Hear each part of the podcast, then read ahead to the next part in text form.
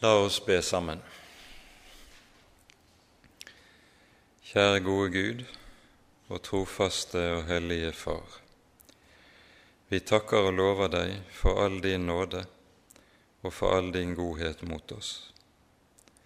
Takk, Herre, mest av alt, at du har gitt oss din egen sønn, og at vi skal få lov til å være dine barn for Jesus skyld.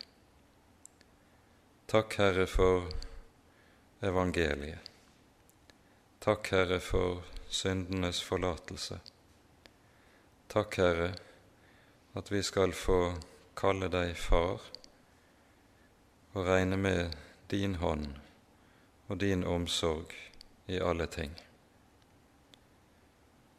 Så ber vi, Herre, at du vil sende din gode Hellige Ånd, at du vil ta deg av oss og åpenbare dine ord for oss. Amen.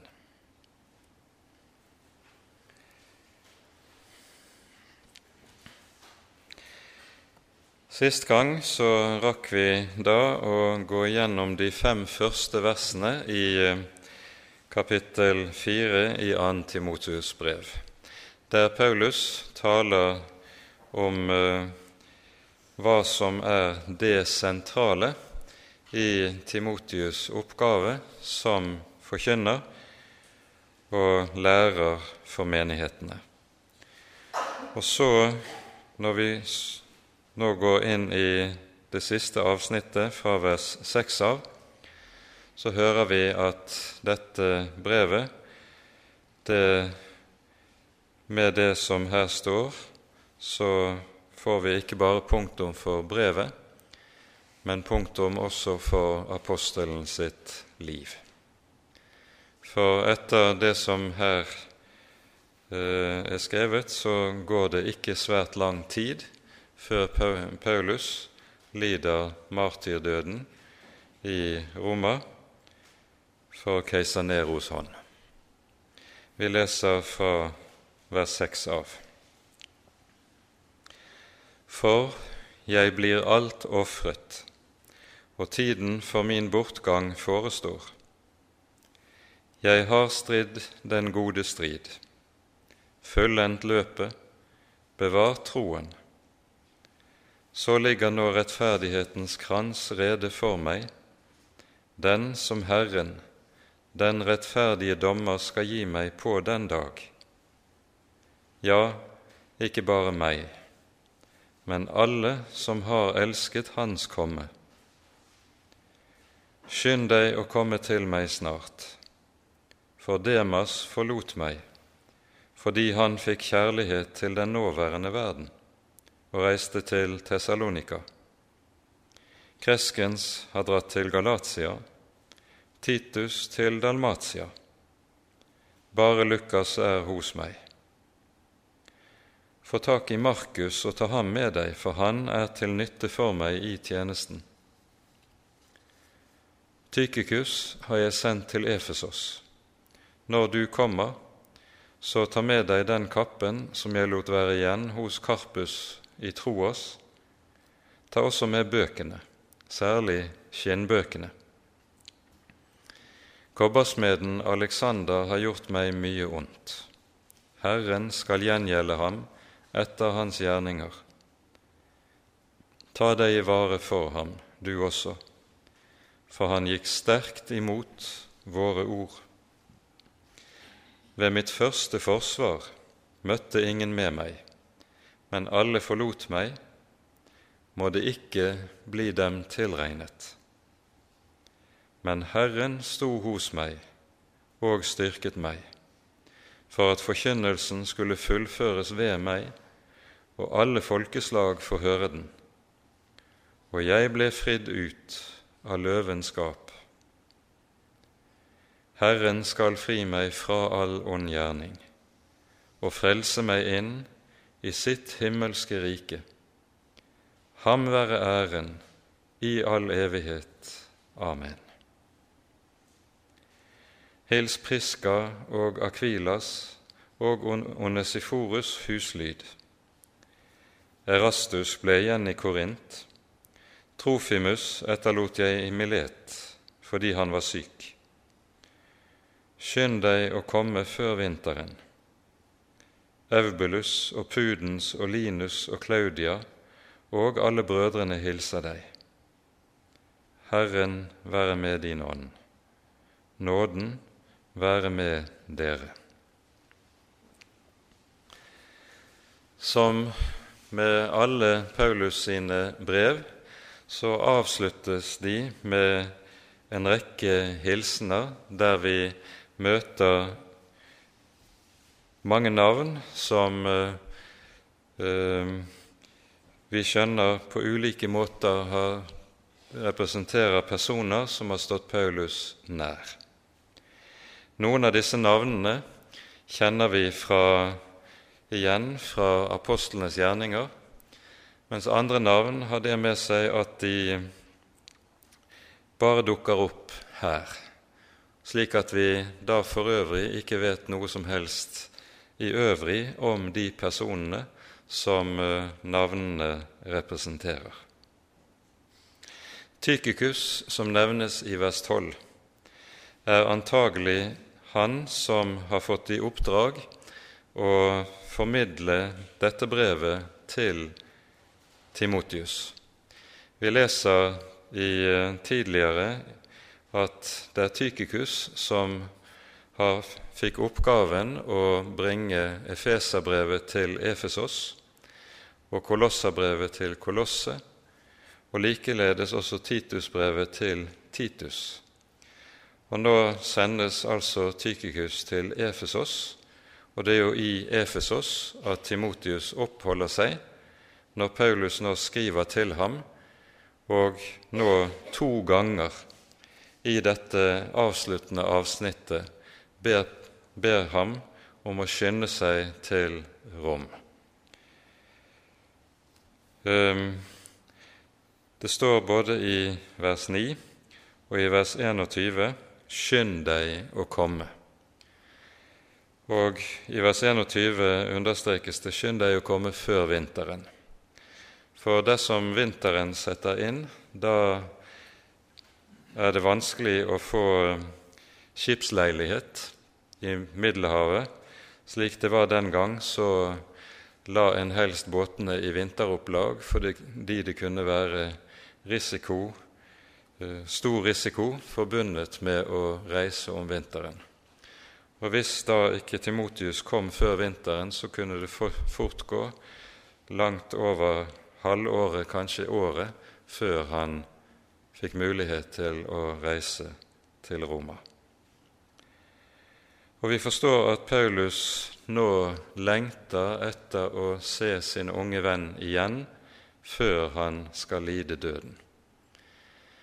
Han er på mange måter ensom.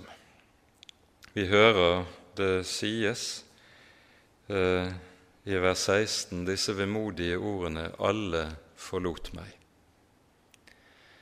Paulus opplever den tunge smerten som det er å bli forlatt også av svært, svært mange av de troende. Når han sto der ved sitt første forsvar, som her omtales, så måtte han stå der alene. Med uttrykket 'det første forsvar' menes det antagelig et ledd i det som var skikken i eh, romersk rettsvesen, at når en person var anklaget, så ble en først innkalt til et første rettsmøte der det skulle klargjøres hva som egentlig var eh, forbrytelsen, for at anklagen som senere skulle eh, lyde ved det egentlige prøvingen og forut for domsavsigelsen, den anklagen kunne formuleres nøyaktig og klart, og det ikke skulle kunne eh, foreligge misforståelser når så langt kom. Det er antagelig en slik første høring som Paulus her refererer til når han taler om sitt første forsvar. Og så opplever han altså det vemodige å måtte stå der mutters alene. ingen av de troende i en menighet som er meget tallrik, romermenigheten, har villet komme til støtte for ham. Og eh, antagelig er det da slik at det er frykten som har behersket menighetslemmene, slik at de har latt Paulus bli stående alene i denne situasjonen. Men vi hører Paulus nærer ingen som helst bitterhet i denne sammenheng. Han sier bare ganske stillferdig må det ikke bli dem tilregnet. Paulus, skjønner vi, er et menneske av kjøtt og blod. Og han trenger også den støtten, den varmen, som medtroende kan bety når det er vanskelig, og når det er trengsel og motgang. Dette hører vi jo også et, en gjenklang av i apostlenes gjerninger. Der hører vi jo i det 28. kapittel, når Paulus ankommer til Roma etter denne lange sjøreisen som uh, berettes om, og som til dels var ganske dramatisk. Da står det at det var en del av de troende som visste at Paulus var på vei, og de gikk ut på veien mot havnen for å møte ham. Og så sies det om Paulus at han, da han så de troende, fattet han mot. Et veldig menneskelig eh, trekk ved dette som, eh, som eh, peker også på at Paulus var ikke noen ufølsom stålmann som bar alt uten at noe gikk inn på ham. Han var et menneske som trengte, som vi alle gjør det, varme og støtte når det blir vanskelig. Og det er nok mye av det som også ligger bak når han nå, når han vet døden eh, står for døren, at han ønsker å få se Timotius en siste gang. Dette særlig nære forholdet til Timotius, som er som mellom en far og en sønn, det møter vi jo allerede i det første kapittelet her i første Timotius brev, når vi hører Paulus i vers 3 og 4 eh, omtaler hvordan han ber for Timotius. Jeg takker Gud som jeg fra mine forfedre av tjener med ren samvittighet, når jeg stadig minnes deg i mine bønner, natt og dag. Når jeg minnes dine tårer, lengter jeg etter å se deg igjen, så jeg kan fylles med glede. Det er dette nære forholdet til Timotius som vi møter igjen når Paulus nå ber Timotius å sette alt annet til side for å komme så snart som mulig til Paulus. I den gamle oversettelsen sto det jo i vers 9 gjør deg umak for å komme. Altså sett alt annet til side. Prioriter dette foran alt annet og komme til meg snart.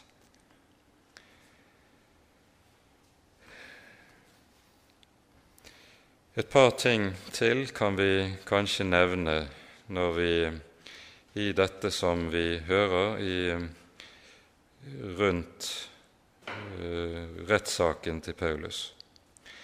I vers 14 nevnes kobbersmeden Alexander. Han har gjort meg mye ondt, sier Paulus. Herren skal gjengjelde ham etter hans gjerninger, sies det. Ta deg i vare for ham, du også, for han gikk sterkt imot våre ord.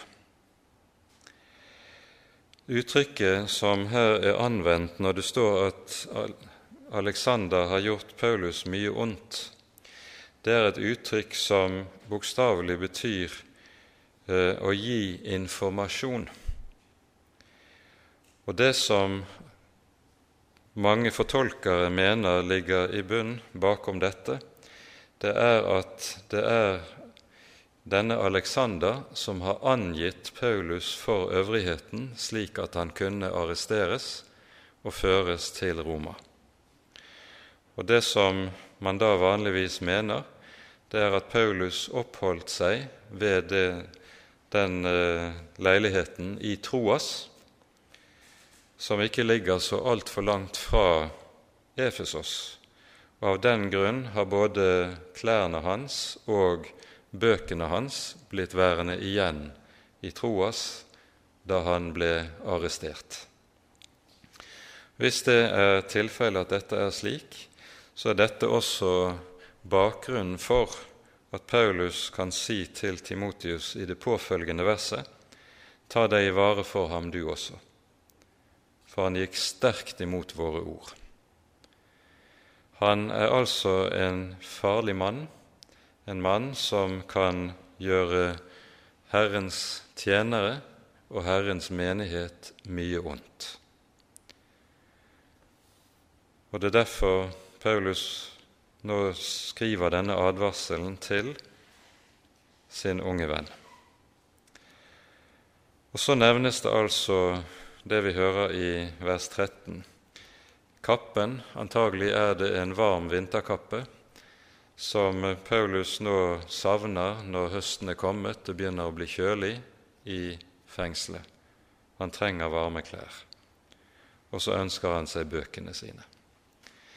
Hva slags bøker det er, vet vi ikke. Men eh, når det nevnes skinnbøker, da er det altså pergamentruller.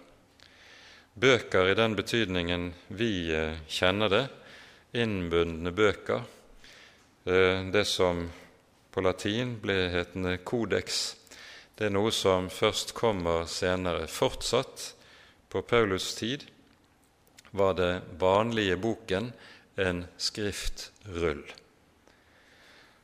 Og Det er også det som ligger i ordet 'biblia', som anvendes her på gresk. Det, det betyr nettopp en skriftrull.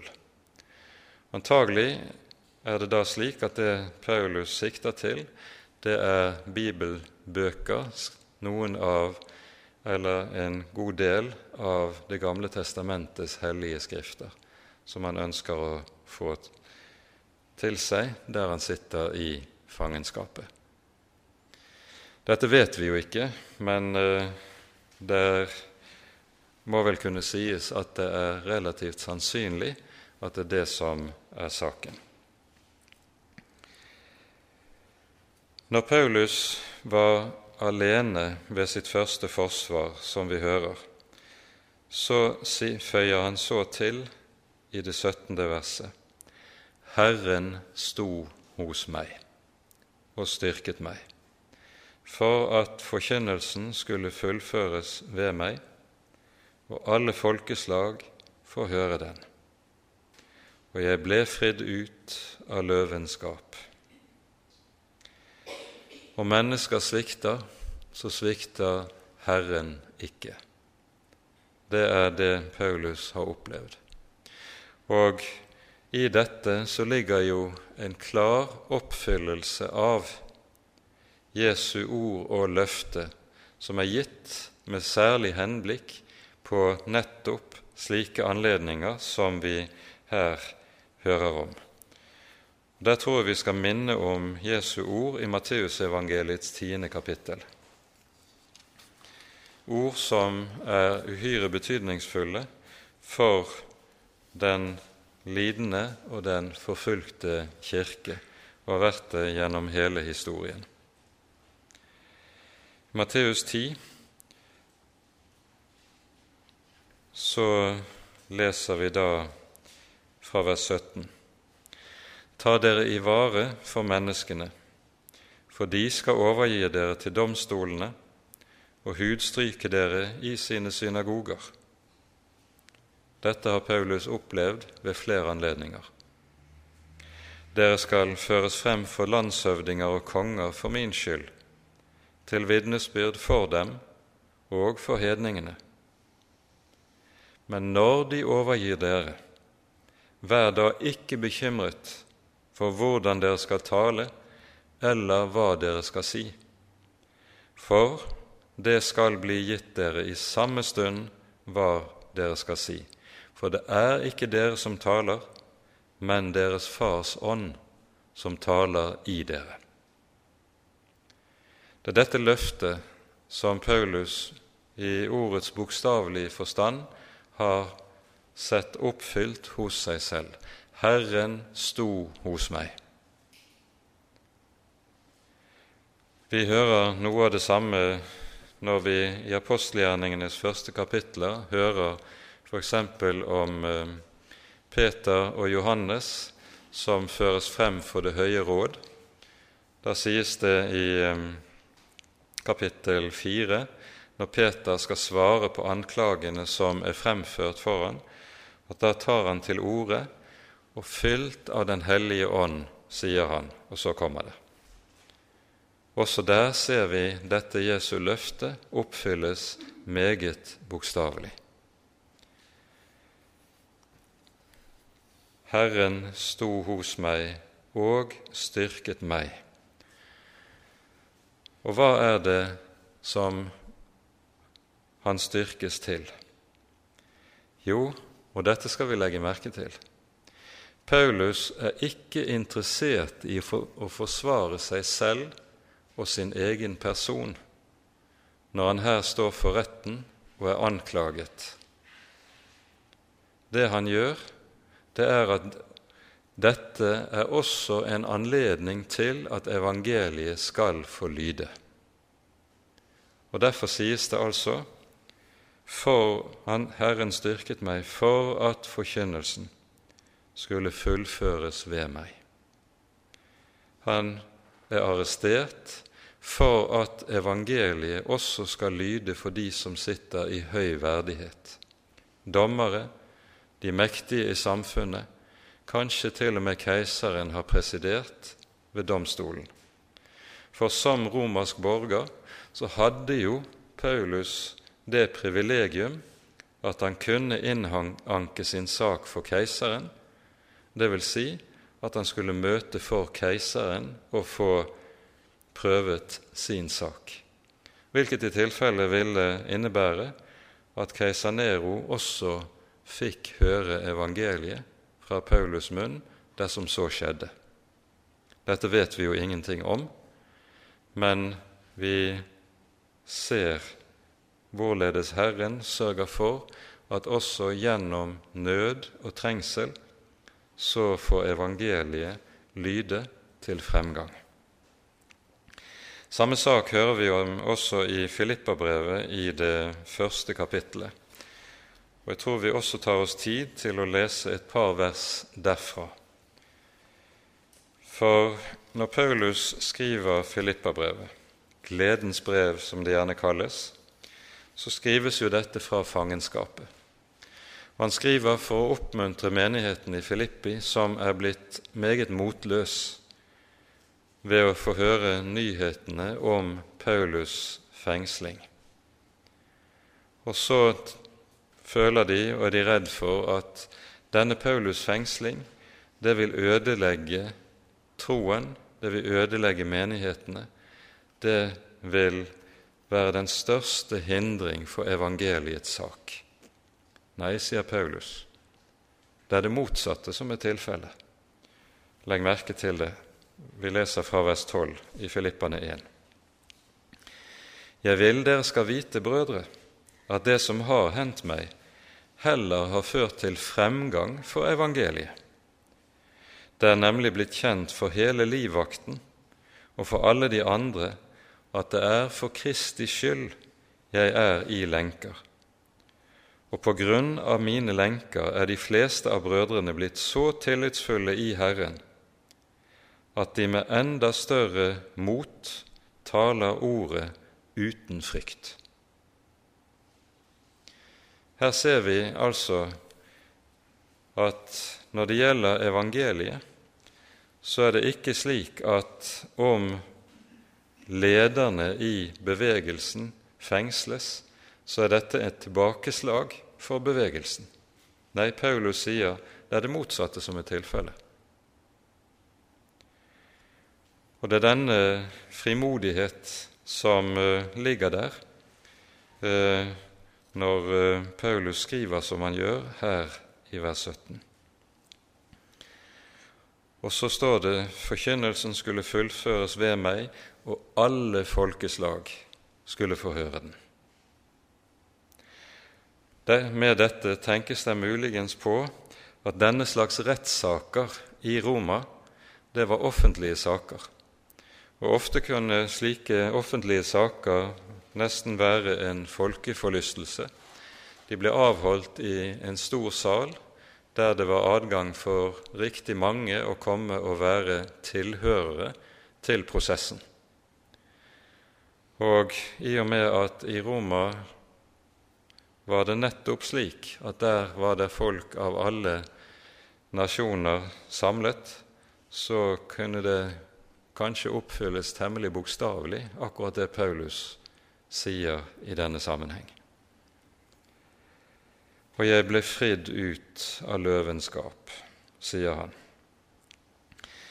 Hva som menes med å bli fridd ut av løvenskap, vet vi ikke riktig. Menes det med dette at hans dødsstraff ble utsatt? Muligens menes det med dette at Eller tenkes det med løven her rett og slett på djevelen, som jo kalles for en brølende løve ved, i en annen sammenheng i Det nye testamentet, nemlig da at djevelens råd ikke hadde noen fremgang overfor Herrens apostel. Vi vet ikke hva som ligger i dette. Men Paulus er meget trygg og sier, 'Herren skal fri meg fra all ond gjerning' og frelse meg inn i sitt himmelske rike. Ham være æren i all evighet. Amen. Her skal vi også gjøre oppmerksom på en iakttagelse som eh, en del bibelgranskere har gjort seg nemlig at i disse versene fra vers 16 til 18 så møter vi en rekke formuleringer som er hentet fra den 22. salmen i Salmenes bok. Det er jo salme 22 Jesus viser til når han henger på korset og roper 'Min Gud, min Gud, hvorfor har du forlatt meg?' Nå skal Paulus også under korset, for en tjener er ikke større enn sin herre. Og så er det da slik at flere av disse formuleringene som vi her møter, det er helt tydelig hentet fra den 22. salmen, og kanskje er det det det tenkes på når Paulus taler om løvenskap. For nettopp løven, villdyret, som bildet på menneskers ondskap, omtales i Salme 22 som, som noe av det som forårsaker lidelsen. To andre trekk må nevnes eh, fra dette avsluttende avsnittet avsnittet når vi hører om ulike personer. I vers 10 så hører vi dette vemodige omtales. Demas forlot meg fordi han fikk kjærlighet til den nåværende verden. Demas er en person som vi møter eller hører om tre ganger i brevene i Det nye testamentet. Første gangen er i Filemons brev. Eh, der står det slik i det 24. verset, når Paulus skriver en rekke hilsener på slutten av brevet. Det samme gjør mine medarbeidere Markus, Aristarkus, Demas og Lukas. Demas nevnes her som en av Paulus' medarbeidere. Og han nevnes i samme åndedrag som Lukas, noe som også er tilfellet i den andre teksten, der Demas omtales, nemlig i Kolossabrevets fjerde kapittel, der det står slik i vers 14.: Lukas, den kjære legen, hilser dere, likeså Demas. Her kalles ikke Demas lenger for medarbeider, og det er de som har ment at det i dette ligger en slags tråd eller en utvikling. Først kalles han medarbeideren Demas, så bare Demas. Paulus har ant at her er det et eller annet som ikke stemmer, og så kommer det dypt vemodige. Demas forlot meg fordi han fikk kjærlighet til den nåværende verden. Hva Paulus konkret sikter til når dette sies, det vet vi ikke. Men det er mulig at det som ligger bak, er noe av det som vi hører i Paulus' advarsel, som dukker opp et par ganger i nettopp andre Timotius' brev. I første kapittelet så hører vi det sies i vers 8.: Skam deg ikke ved vår Herres vitnesbyrd eller ved meg, hans fange. Og så hører du det samme om igjen litt senere. Jeg skammer meg ikke. Er det mon slik at det som etter hvert har blitt vanskeligere og vanskeligere for Demas, det er omkostningene ved evangeliet, omkostningene ved å være evangeliets tjener.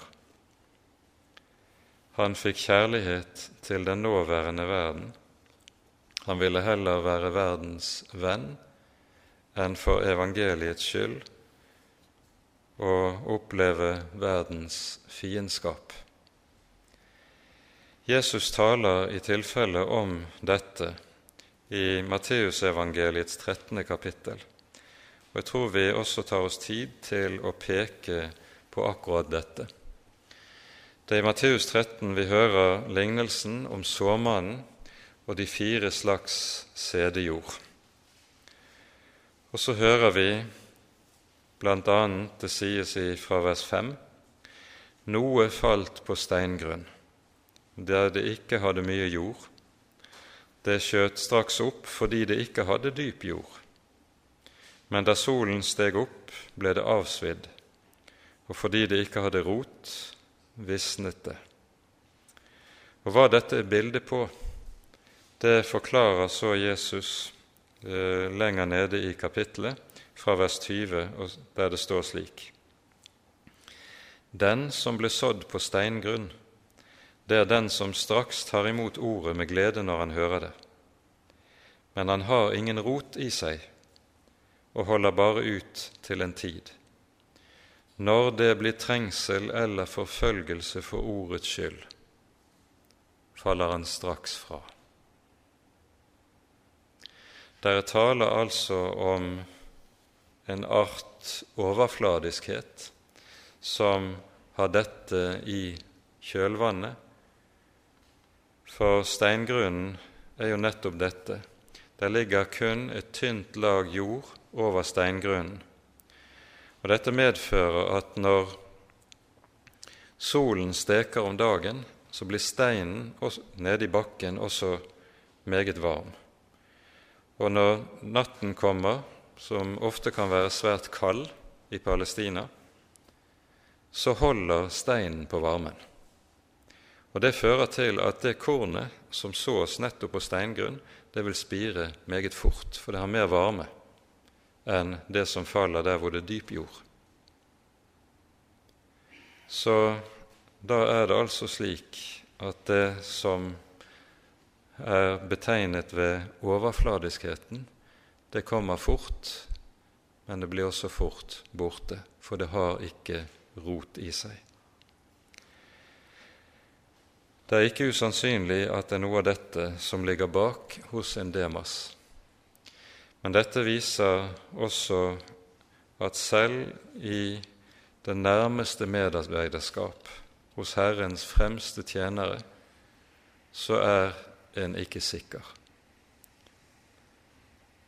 Å våke, det er noe som kreves hos hver Herrens tjener. Vi hører også i disse versene, og da går vi til vers 11, om Markus.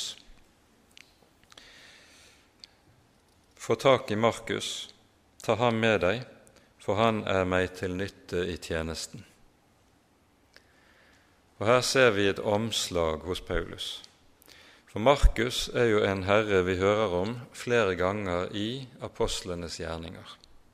Han omtales tre ganger der. Og når Paulus drar ut på sin første misjonsreise sammen med Barnabas, så hører vi at de tar med seg Markus som medhjelper. Dette leser vi om i det 13. kapittel i apostelgjerningene. Men så hører vi i vers 13 der at det sies at Markus vender dem ryggen, han vil ikke være med dem lenger. Og Dette er tydeligvis noe som faller Paulus meget tungt for brystet. For når vi kommer til det 15. kapittelet i apostelgjerningene, så eh, skal Paulus reise ut på sin andre misjonsreise. Barnabas skal også være med denne gangen. Og Barnabas sier at han vil ha Markus med seg. Nei, sier Paulus. Han har vi, Markus har vist seg som en som vi ikke kan stole på. Jeg vil ikke ha med. Og så hører vi det etter hvert blir et så opphetet ordskifte mellom Paulus og Barnabas på grunn av dette at det ender med at de to også må skille lag. Paulus reiser én vei, Barnabas en helt annen vei, med Markus i sitt følge. Der åpnet seg et sår mellom Herrens tjenere ved denne anledning. Hva som ligger imellom dette og det vi hører i 2. Timotius brev, vet vi ikke. Men vi forstår dette såret er blitt lekt. Og nå ligger det Paulus på hjertet at han nettopp ønsker at Markus også må komme sammen med Timotius når Paulus sitter der i fangenskapet. Tilgi hverandre like som Kristus har tilgitt dere. Det er dette som ligger bak, og som vi hermed får en levende illustrasjon av.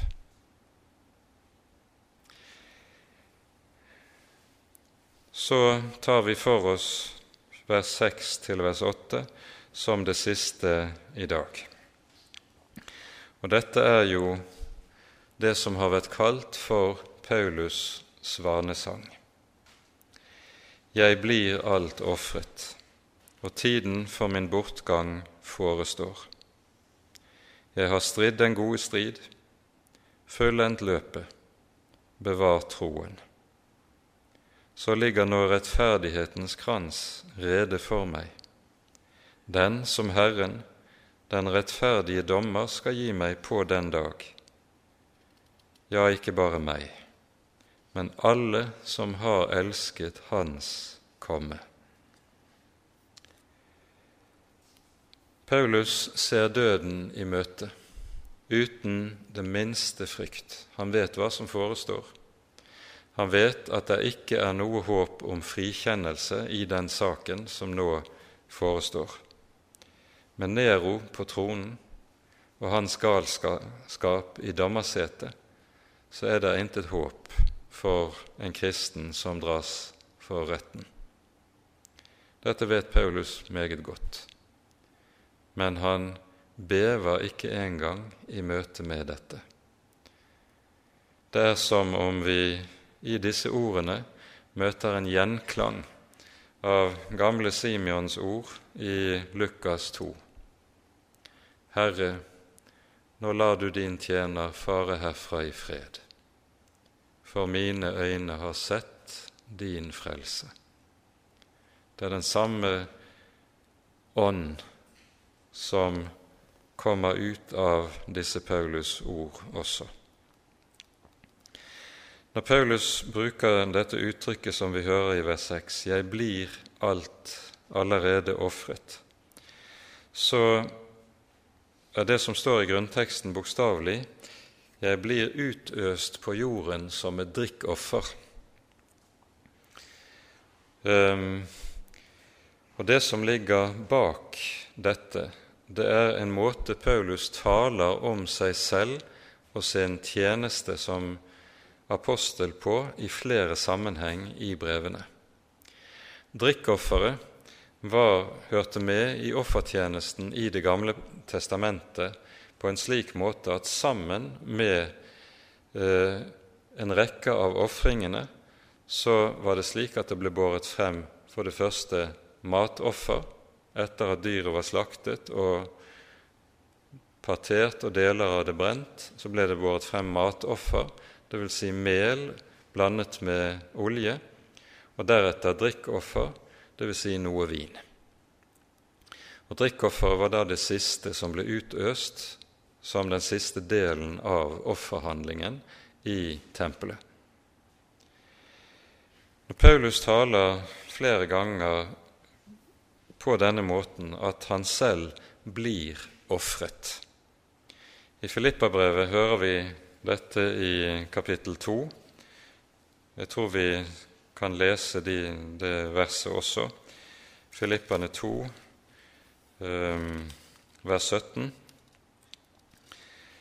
Der skriver han følgende.: Om jeg blir ofret når jeg gjør altertjeneste, og bærer deres tro frem som offer, så er jeg glad og gleder meg sammen med dere alle. Gjør så dere det samme. Vær glade og gled dere sammen med meg.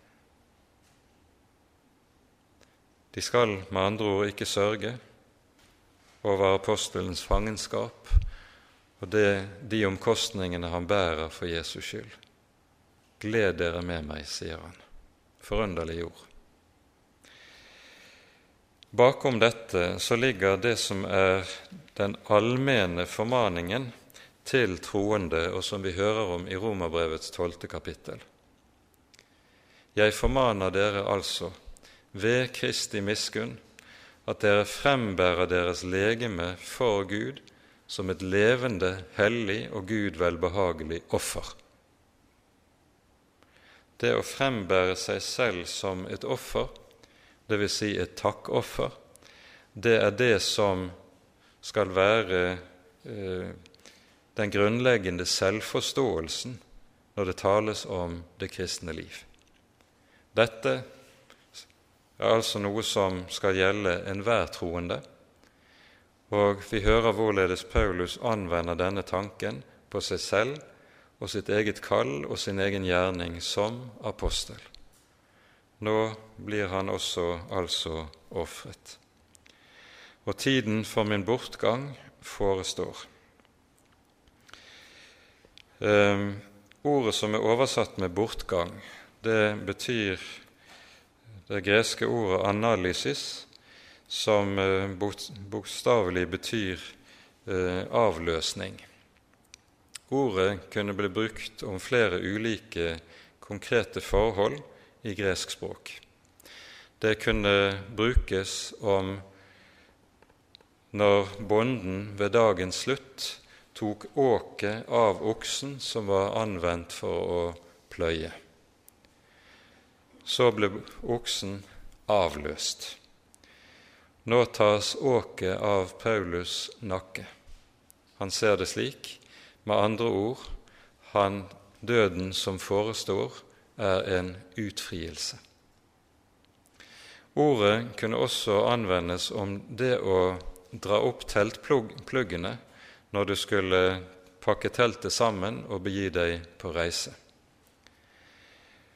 Da møter vi et annet bilde som er meget viktig i Det nye testamentet, og som vi hører om eh, bl.a. i 2. Korinterbrevs femte kapittel, der Paulus eh, taler om at han lengter etter å skifte ut eh, sin nåværende bolig med den himmelske.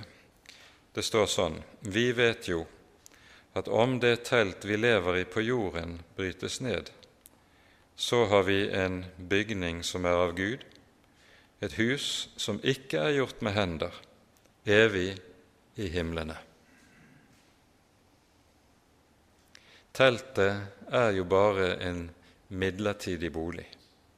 Du flytter fra sted til sted, mens det ordet som anvendes om den himmelske bolig, så har vi en bygning som er av Gud. Det er et ord som betegner et hus som har en fast grunnmur, altså i motsetning til teltet.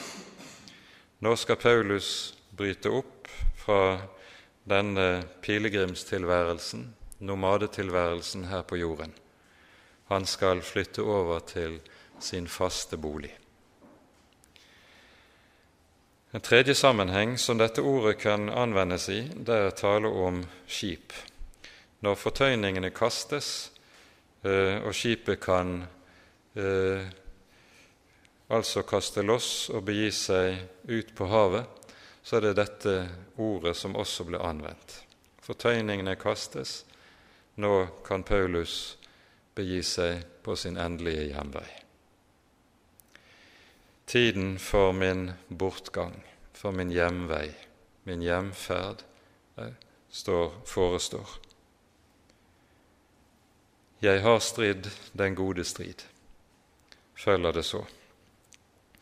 Det ordet som anvendes om strid i denne sammenheng, det er agon på gresk, og det anvendes om den kampen som foregikk på idrettsarenaen. Paulus anvender jo dette bildet ved en rekke anledninger om det kristne livet. Det er som veddekamp på idrettsarenaen. Jeg har stridd den gode strid. Viktigste bibelteksten i denne sammenheng er Paulus' ord i 1. Korinterbrevs 9. kapittel. Og vi tar oss også tid til å lese disse par versene. 1. Eh, Korinterbrev 9, fra vers 25. Her står det slik.: Enhver vet dere ikke Fra vers 24, unnskyld.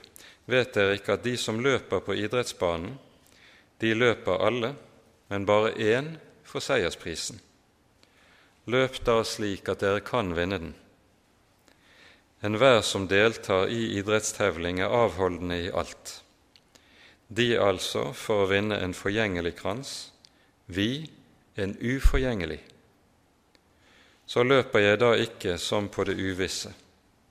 Jeg kjemper ikke som en som fekter i løse luften, men jeg undertvinger mitt legeme og holder det i trelldom, for at jeg, som forkynner for andre, ikke selv skal finnes uverdig. For at jeg ikke skal finnes uverdig.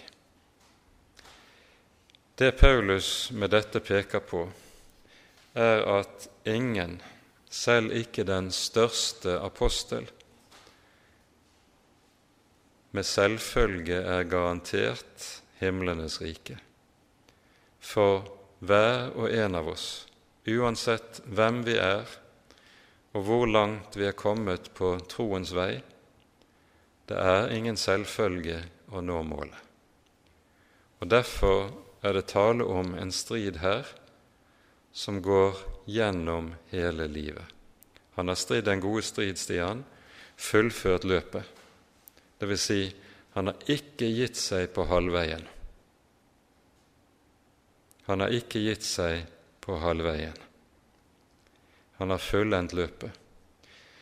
Og her minnes vi Jesu ord 'Den som holder ut til enden, han skal bli frelst'.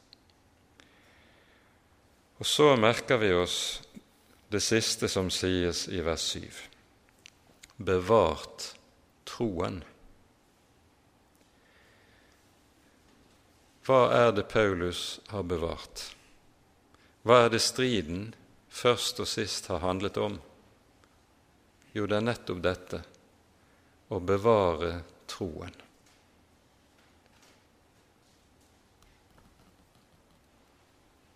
Det er eh, Når han taler om troen, så kan jo ordet tro bety to ting, slik som vi møter det i denne sammenheng. For det første så kan det bety rett og slett evangeliet, som jo er dette som Paulus gjentagende ganger formaner Timotius til, også her i eh, brevet. Ta vare på den fagre skatt som er deg overgitt. Ta vare på den. Da er det altså tale om det budskap, innholdet i budskapet, som han lever av. Og da brukes ordet tro på, altså på samme måten som vi gjør det når vi sier i Kirken 'La oss bekjenne vår hellige tro'. For det er dette som jo har vært apostelens oppgave å forkynne evangeliet og ta vare på evangeliet. Å vokte evangeliet mot alle de mennesketanker og menneskemeninger og menneskelige angrep som reiser seg mot evangeliet har bevart troen. For det andre så kan ordet tro betegne det vi mener med ordet når vi taler om tilliten. Tro er jo et tillitsforhold som jeg står i til den Herre Jesus. Det er ham jeg har satt min lit til i alle ting. Tro er, som en har sagt det, å hvile med hele sin tyngde på Jesus. Jeg har bevart troen. For det er fremfor alt det det kommer an på. Her skal vi kanskje, særlig i denne sammenheng, minne om noe som Paulus eh, er inne på i Galaterbrevet i det tredje kapittel. Der hører vi Paulus stille spørsmålet til galaterne. Dere begynte i ånd, vil dere nå fullende i kjød? Dette spørsmålet reiser Paulus fordi galaterne jo er kommet inn under loven. De begynte i ånd, nemlig de kom til troen ved å høre evangeliet. Slik kom de til liv i Gud. Slik fikk de del i frelsen. Og Derfor sier Paulus nettopp om det at når de får troen ved evangeliet, så begynte de i ånd. Men så disse her falske forkynnere kommet i Paulus' fotspor, som har ledet galaterne på avveie. De er kommet under loven, under gjerningslære og gjerningsrettferdighet. Og Da forsvinner troen til fordel for lovgjerninger. Og så sier Paulus.: Vil dere nå fullende i kjød? Det er i møte med dette at Paulus også altså kan si:" Jeg har bevart troen. Ja, han begynte i ånd, han er også fullendt i ånd. Og så kommer det til sist. Så ligger nå rettferdighetens krans rede for meg. Ordet krans som anvendes her, det er igjen bildet fra idrettsarenaens språk. Han som seiret i de olympiske leker, eller i de istmiske leker, som var de andre eh, idrettslekene som var de virkelig store i eh, denne perioden i antikken. Han fikk en laurbærkrans som tegn på seieren. Og den som eh, slik vant en laurbærkrans, han vant en langt, langt større heder i datiden enn selv de største idrettsstjerner gjør det i dagens verden, som er så sportsgal som den er. Hvis en eh, mann hadde vunnet kransen i de olympiske leker, så var det ikke uvanlig at når han vendte tilbake til sin hjemby, så rev innbyggerne i byen bymuren ned og bygget en ny port for ham for at han skulle være den første som reiste inn gjennom den nye port. Det viser noe av måten man hedret de som mottok æreskransen, seieren. Og det er denne bildet altså som anvendes her i denne sammenheng. Så ligger nå rettferdighetens krans. Og legg merke til hva Paulus kaller denne kransen. Han kaller den nettopp for rettferdighetens krans. Og det er ikke tilfeldig. For det som jo bærer hele Paulus' budskap og forkynnelse, det er jo budskapet om rettferdiggjørelse av tro. Så den rettferdighet som han har mottatt i Herren Jesus Kristus, det er den rettferdighet som han fullkomment kler seg i når han også når målet. Så ligger nå rettferdighetens krans rede for meg, den som Herren, den rettferdige dommer, skal gi meg på den dag. Ja, ikke bare meg, men alle som har elsket Hans komme. Her skal vi bare kort nevne at språkbruken som Paulus her anvender, den er hentet fra det jødiske gravferdsritualet. Talen om Gud som den sanne og rettferdige dommer det er en del av eh, liturgien i jødisk gravferd. Og Den lyder i dag slik, og det var omtrent likelydende på Paulus' tid. O sanne og rettferdige dommer, velsignet være du, den sanne dommer alle Herrens dommer er rettferdige og sanne. Og vi ser hvordan vi møter en gjenklang av dette i ordene her i vers 8.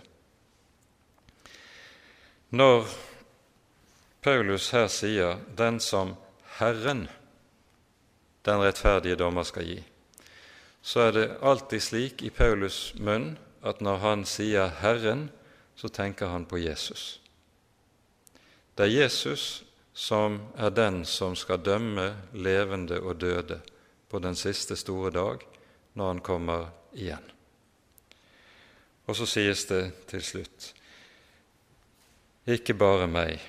Det er altså ikke bare Paulus som skal motta denne kransen, men alle som har elsket Hans komme. Det er ingen forskjell i saligheten. Det gjøres ikke forskjell på den store apostel og den fattigste synder. Alle skal uten forskjell få del i den samme æresbevisning, seierskrans, glede og rettferdighet, sies det. Ikke bare meg, men alle. Merk det.